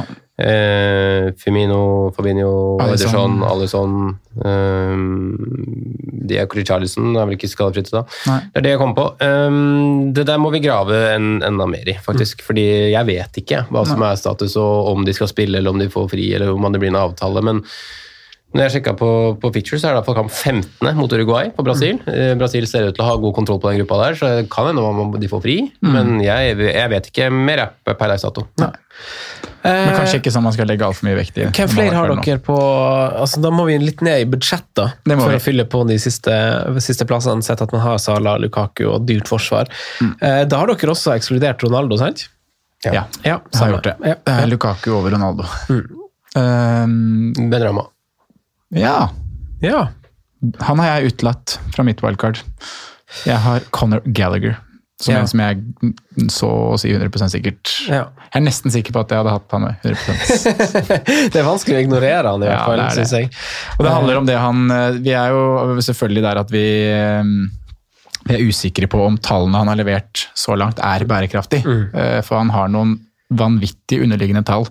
Eh, De fire før, før kampen i kveld, da, på de fire siste rundene, da, så lå han på expected goal involvement, som eh, handler om hvor, hvor mye han er involvert, kan være involvert i skåringer og assist. Så var han topp Han var vel på tredjeplass, mm. og de han lå rundt der, var Salah, Mané, Ronaldo og Lukaku.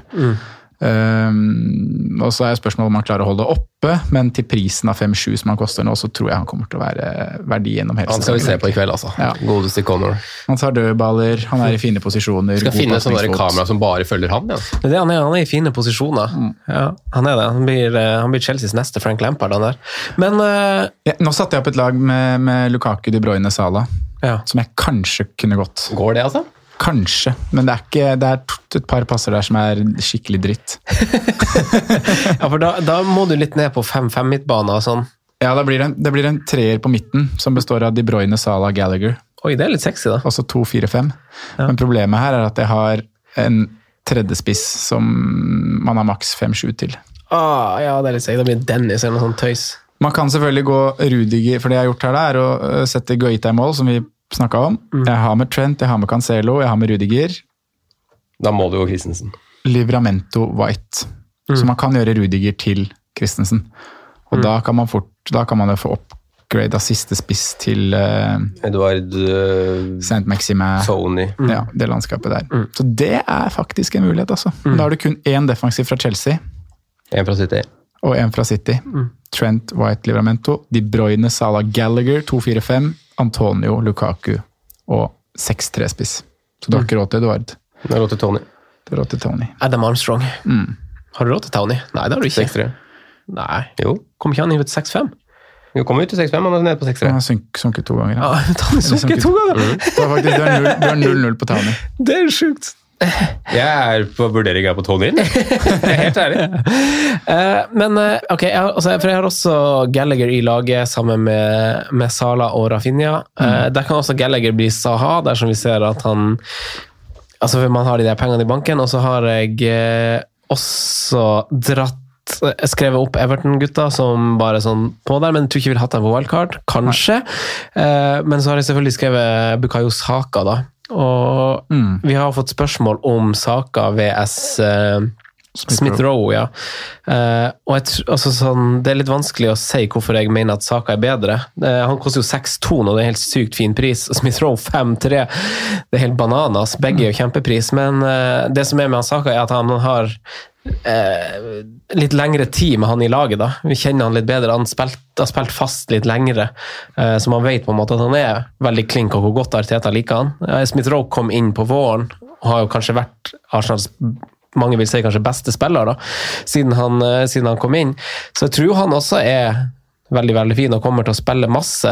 Eh, men så er det jo PP er jo på benken og sånn. Eh, men jeg tror bare Saka per i dag, med det vi vet, er litt mer klink, da. Han kan spille på begge sider òg. PP er jo veldig høyrekant, føler jeg. Ja. Og der, der, har jo Arsenal prøvd litt. For Saka også er jo best på høyresida, men fungerer greit på venstre.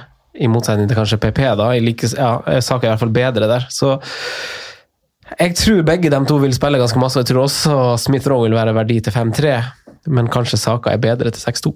Så det er lov å si at Saka virker litt mer klinisk òg, eller? Ja, Avslutningsmessig og litt sharpere i det siste, det er han kanskje, siste men, fase. Men nå er han Smith Rowe kanskje ute til den rollen han kanskje er litt bedre i enn hva det han hadde før Martin Mm. kom til klubben. For nå er jo Ødegaard og styret han er kjempegod, men ingen fantasy-spiller sånn sett. men da er Jeg Smith, skal cruise inn noen frispark der, da. da er Smith Rose straks litt mer i boksen, da. Eh, som den motsatte kanten, på en måte. To innoverkanter, begge to. Så jeg ville nok kanskje hatt en av de, eh, med tanke på programmet til Arsenal og hjerte og form. Eh, egentlig ganske fint program, som sagt, fram til, eh, til nyåret. Det er en mulighet på den med De Bruyne der, da. At man oppgraderer Longstaff til Smith-Roe og kjører dødspiss. Ja. De Bruyne, Salah, Gallagher Der kan jo Smith Rowe være en kjempe sånn hjelperytternøkkelrolle. Ja, da er det faktisk 5-5 til siste spissa. da. 5-3 for Smith Rowe er kanon. Det blir Dennis, da. Det blir Dennis. Men skal vi ha med De Bruyne eller ikke? med Nei, det blir ikke det, altså. Jeg stemmer uten per nå. Ja. Ja. Men det er viktig for de som Ja. skal wildcard i landslagspeisen og Ja. ha en løsning på det. holdt jeg på å si. Ja. Men da setter vi på Rafinha, da. Rafinha, Sala uh, Gallagher. Rafinha. Støtter du det nå, Simen? Jeg støtter Gallagher. Ja, da blir det Gallagher. Og så blir det jo selvfølgelig Sissoko. Brownhill. Ja, 4-4. Spares der det spares. Sissoko spiller jo DM. Ja, han gjør det. Ja, han gjør Han det. litt ja, da, da blir det Brownie inn her. Men eh, er nå ble han Cornett skada etter volleyen sin, ja. Ja, for der er spilletiden til Brownhill. Den er klink. Ja, den var jo klink etter han kom fra Ipswich, eller hva faen det var han kom fra i jula. Ja. Uh, vi kjører Brownhill. Trenger ikke å bruke så mye tid på det. ja, uh, da har vi en eh, slått åpen på midten der, faktisk. Det har vi. Mm. Og vi har kanskje to spissplasser òg. Nei, nei, én spissplass og en midtbaneplass, for vi har kanskje begge, alle tre Antonio og Lukaku, eller? Ja, Ja, det har vi. Antonio og Lukaku er klink, og da har vi liksom én spiss og en midtbaneplass igjen, da. Mm. Så da må vi bestemme om vi skal kjøre 4-3-3 eller 4-4-2, da. Og Mitt budsjett viser nå 15-1 i bank. På de to spottene. Ja, da har vi samme som meg! meg! Da har vi like masse i banken! Det er Matty med cash her. Ja, eh, så da har vi jo ganske god råd, da. Faktisk. Jeg vil jo ha med Ben Rama, jeg, da. Ja, Slå et slag for Benrama, Simen. I For oss, for som eier eh, Fortsatt i tillegg til Antonio. For oss som Det, det, blir jo, det blir jo litt rart med det oppsettet her, for så vidt, og, og sånn, men jeg er jo livredd på å ha det, ikke ha den. Som du sier, han kunne ha 20 poeng. Og, Han er nest mest eid av midtbanespillere, er han ikke det? og han er vel på Sarre puster ham i nakken, men han er vel blant de midtbanespillerne rett bak Sala der. Skal vi se her. Hvis man tar um... Bare Sala er mer eid enn Ben Rama, faktisk. Ja, han har nest mest poeng òg. Ja, det jeg tenkte på, mest poeng. 42. Ja, nei, men Det er jo veldig positive nyheter for oss som eier, da, at du sier sånn. Og han, er, og han er kanskje mer aktuell å ha med videre nå enn han blir fra et wildcard i runde åtte, når han Ja. var Everton borte. For da tenker jeg sånn, da tror jeg ikke jeg vil ha Antonio og Ben Rama. Nei. Eh, For da er det ganske tøft, i hvert fall etter runde ni. ja, jeg syns jo egentlig det. Altså, Villa, Liverpool, Wolverhampton, City er de neste fire, da. og så kommer Chelsea etter hvert. Ja, okay, ja, vi kan droppe noe, da. Men um, Vi har Men så, det er også en grunn til at wildcard føles feil for oss nå. Sitter med Benrama som har Brentford hjemme. Det er en for fin picture til å kaste på papiret. ja, det er vanskelig å plassere Brentford nå, hvor tøff, tøff den matchen er, da. Mm. Jeg synes det jo var Um, en slags London-derby der. Uh, veldig gode på Det sitt spill mot Liverpool og skaper masse trøbbel. Ja, det gjør det. Eh, Med en gang ballen er i lufta, så dominerer de veldig. veldig. Um, Syns også Mbuemo nesten er en shout til å være med. Han har ikke fått noe særlig uttelling, da, men Vi har- vi har spiss 5-5 er med der, da! Vi har fått spørsmål fra, fra Milian på elleve år. Han har skrevet at Bitt meg merke i at Tony og Mbuemo utrolig godt samarbeid, gode tall, ser bra ut på, mat, på Matta. God observasjon. God observasjon. Og Mbuemo er jo out of position, uh, så det er jo uh, ikke dumt sett. Men hvorfor skulle du sette på Tony igjen, Simen? Det ser jo klasse ut. Ja, gjør det. Fikk vel jo ikke skåringen sin nå, da, men, eh, og har jo tøft program, da, men trykk litt inn på det programmet til, til Brentford, da, og så ser man at um, ok, det er Westham borte. Uh, tøff match. Ser fortsatt for meg at du skårer. Chelsea hjemme. Eh, Chelsea har vært veldig bra, men kan de klare å skape noe lignende trøkk og momentum som mot Liverpool? Skårer de tre mot Liverpool, kan de skåre tre mot Chelsea Jeg, òg. jeg har den Leicester-kampen som rød her i mitt oppsett. Det må jeg bare endre med en eneste Ja, gang. ikke sant? Den er jo sånn som Leicester ser ut nå, så er det Om de ikke vinner, er det nesten garantert at de skårer. Så skal de til Turf Moor, ok, der kan de kanskje få litt tøffere, fordi de har spilt litt på fysikk til nå, men jeg tror fortsatt de skårer mot Burnley. Norwich, Newcastle, Everton hjemme, Tottenham. Det er, ikke, det er jo ikke så ille, det der. Nei, det altså- er, man blir jo så lurt av de fargekodene. Ja, man må ikke se på de. Nei, Jeg er helt enig i at kampprogrammet til Burnley, nei, til Brentford er egentlig, med unntak av Chelsea-kampen, ganske bra. Ja. Og den er hjemme, så da kan alt skje. Ja. Eh, det er- Nei, men Skal Tony med, da? på Ikke wildcard? minst de tre rundene 10, 11, 12. Ronaldo til Tony skal gjøre noe. Nei da. Nei, men vi har ganske masse penger, da. Ja, vi har altså, det. det er det som er sånn, Avhengig av hvor vi lander her nå, så kan vi oppgradere f.eks. Christensen til Alonso da, og satse på den, hvis, hvis, man, har, hvis man har lyst til det. Eh, nei, for jeg, altså, jeg ville nok på mitt wildcard Jeg ville sikkert ha gått en Arsenal og en City. Ja, de jeg har der. Saka jeg, i det, i det wildcardet jeg har eh, satt opp her. Ja, det har egentlig jeg også, skjønner du. Men vi det masse- er jo en posisjon hvor man selvfølgelig kan kaste Benrama inn i miksen. Man har uh... Formspiller Sarr. Selv om jeg skjønner Mm. hvorfor man ikke er så høyt diskutert nå med tanke på at det var disse kampene man skulle inn for. Det er nettopp det. Men, jeg føler eh, ikke han er livsviktig å ha med seg etter sju har spilt. altså. Nei, nei, men stå med fire skåringer på, på seks kamper, altså. Um, er jo på årets lag til nå. Altså, man må jo huske det også, selv om de har vært gjennom brukbare pictures. Man må huske det, og så må man huske å ikke bli liksom blind på fortida også, for nå syns jeg se- ser kampene til Watford av etter den Leeds-kampen. for at Liverpool, Everton, Southampton, Arsenal, United, Leicester, Chelsea, City. Jeg føler man er for seint på SAR. Ja, For min del som sitter på, så har jeg et par kamper hvor jeg skal benke inn. Ja, ja, for deg som Så- sitter på han, så er det, blir det en helt annen greie.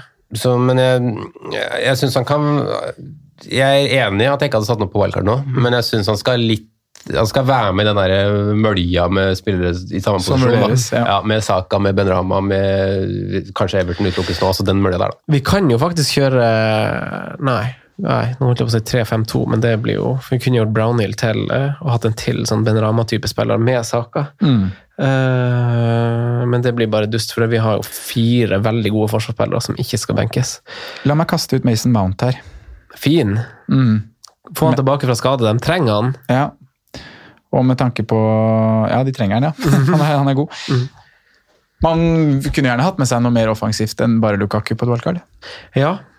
Og da er det egentlig bare en skadefri Mason Mount som hadde frista meg.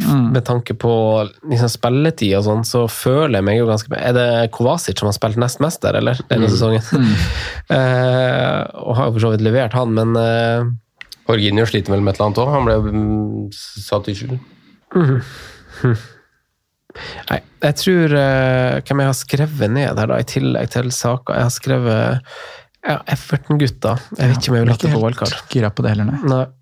Uh, jeg synes, det jeg reagerte på, var at Everton fortsatt har egentlig ganske fine kamper liksom på kort sikt, men uh, Men de, har jo, de kan jo ikke ha et fint program hele året. Nei, nei de kan ikke, det. egentlig så er faktisk bare kampene helt greie. De er ikke fine, så jeg trekker den, jeg trekker den tilbake. Jeg hadde, ikke, jeg hadde droppa Everton. Jeg hadde nok hatt eh, Rafinha og Saka ved siden av eh, Saha eller Gallagher.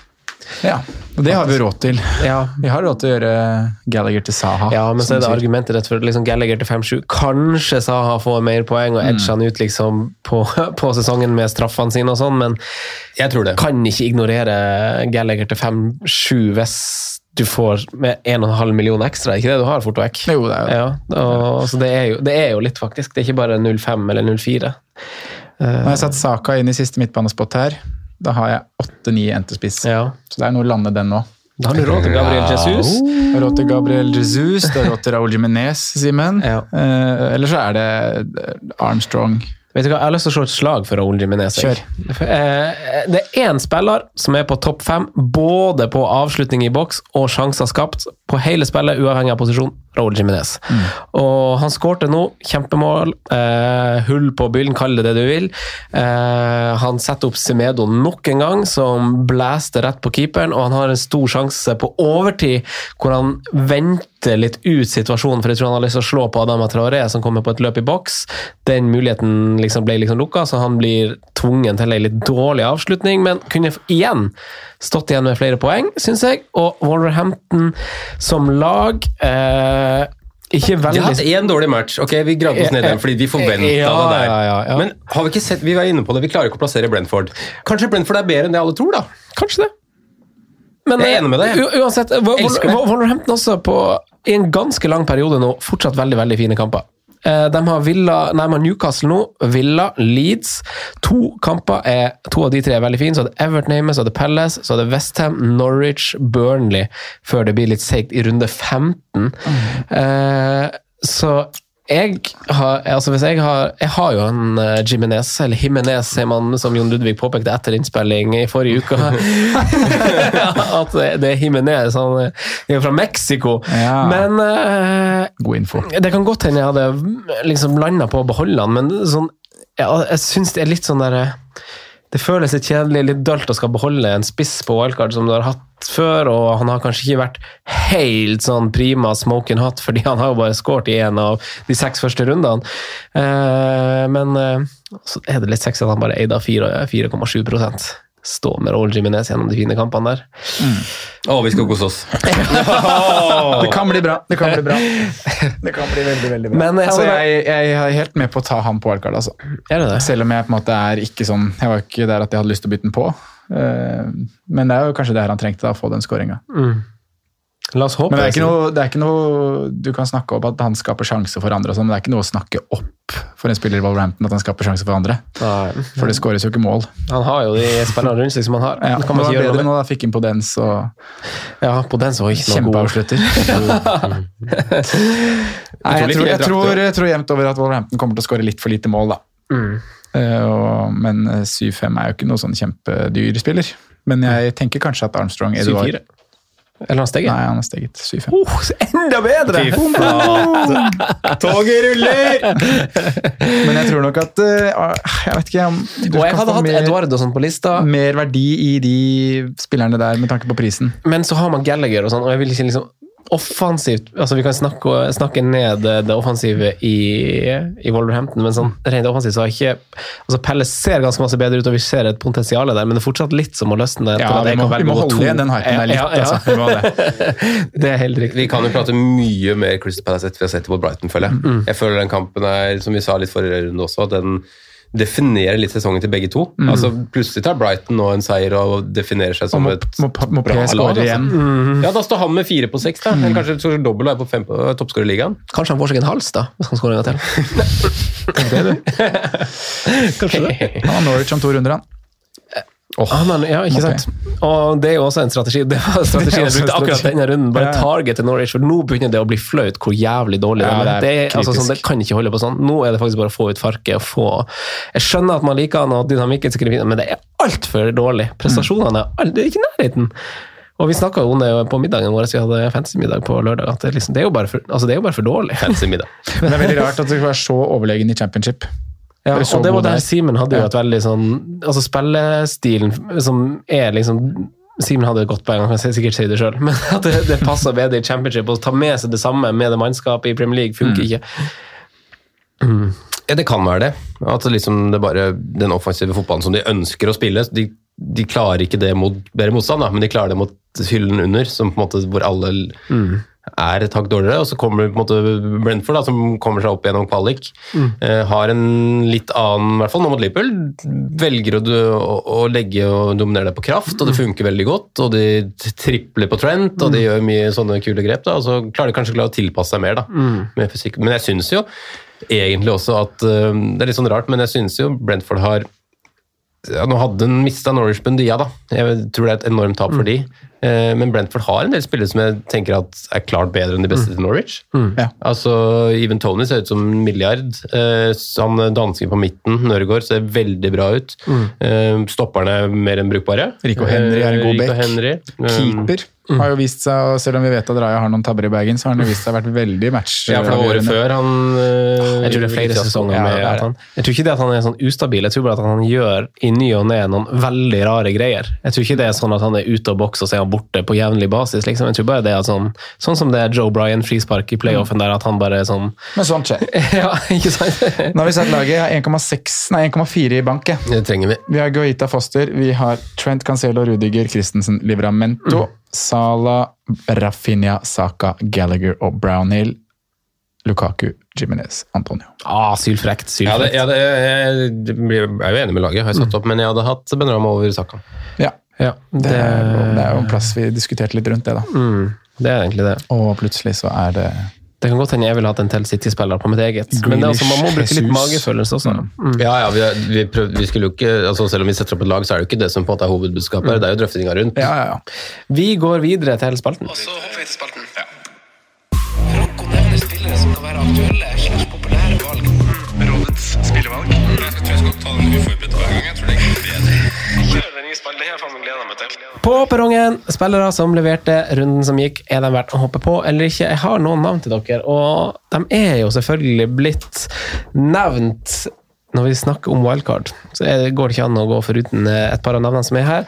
Eh, Først er jo Saka til 6,2. Han kommer ikke til å koste det igjen denne sesongen. By the dip, folkens. By the dip. Simen? Bukayo.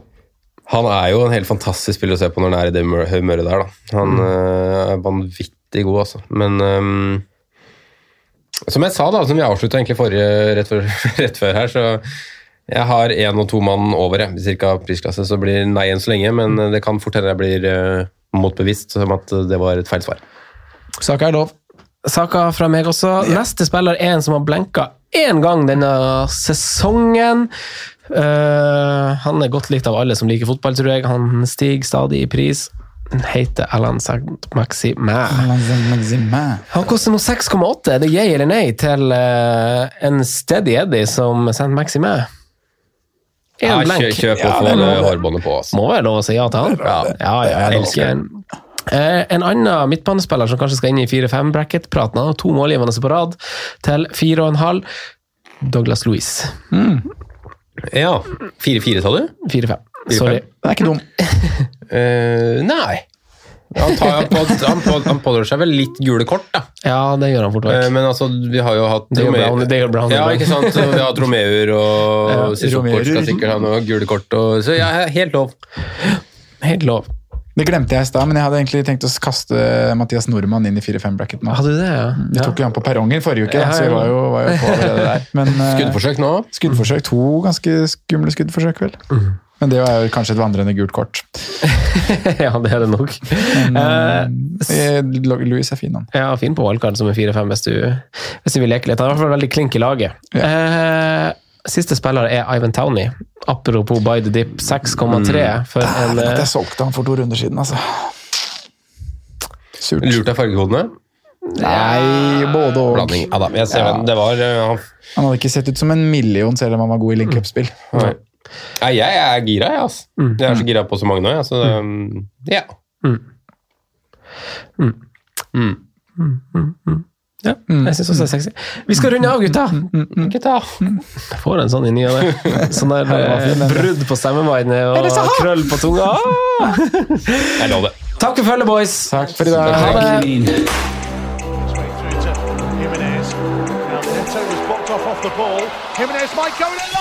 Good through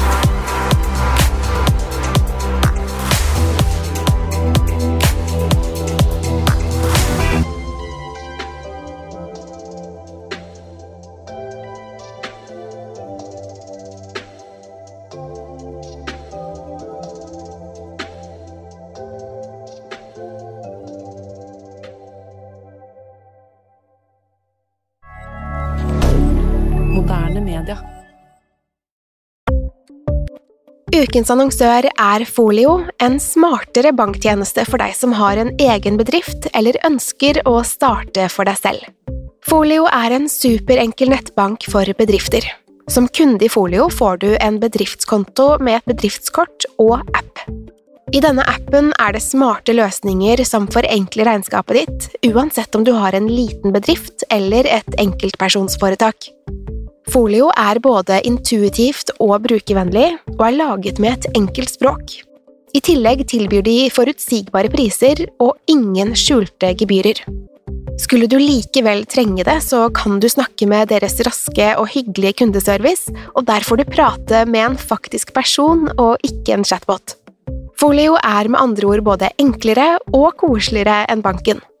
Over 10 000 bedrifter har allerede valgt Folio som sin banktjeneste, så besøk folio.no og se hvordan Folio kan forenkle din hverdag også. Har du et enkeltpersonforetak eller en liten bedrift? Da er du sikkert lei av å høre meg snakke om hvor enkelt det er med kvitteringer og bilag i fiken, så vi eh, gir oss her, vi. Fordi vi liker enkelt. Fiken superenkelt regnskap.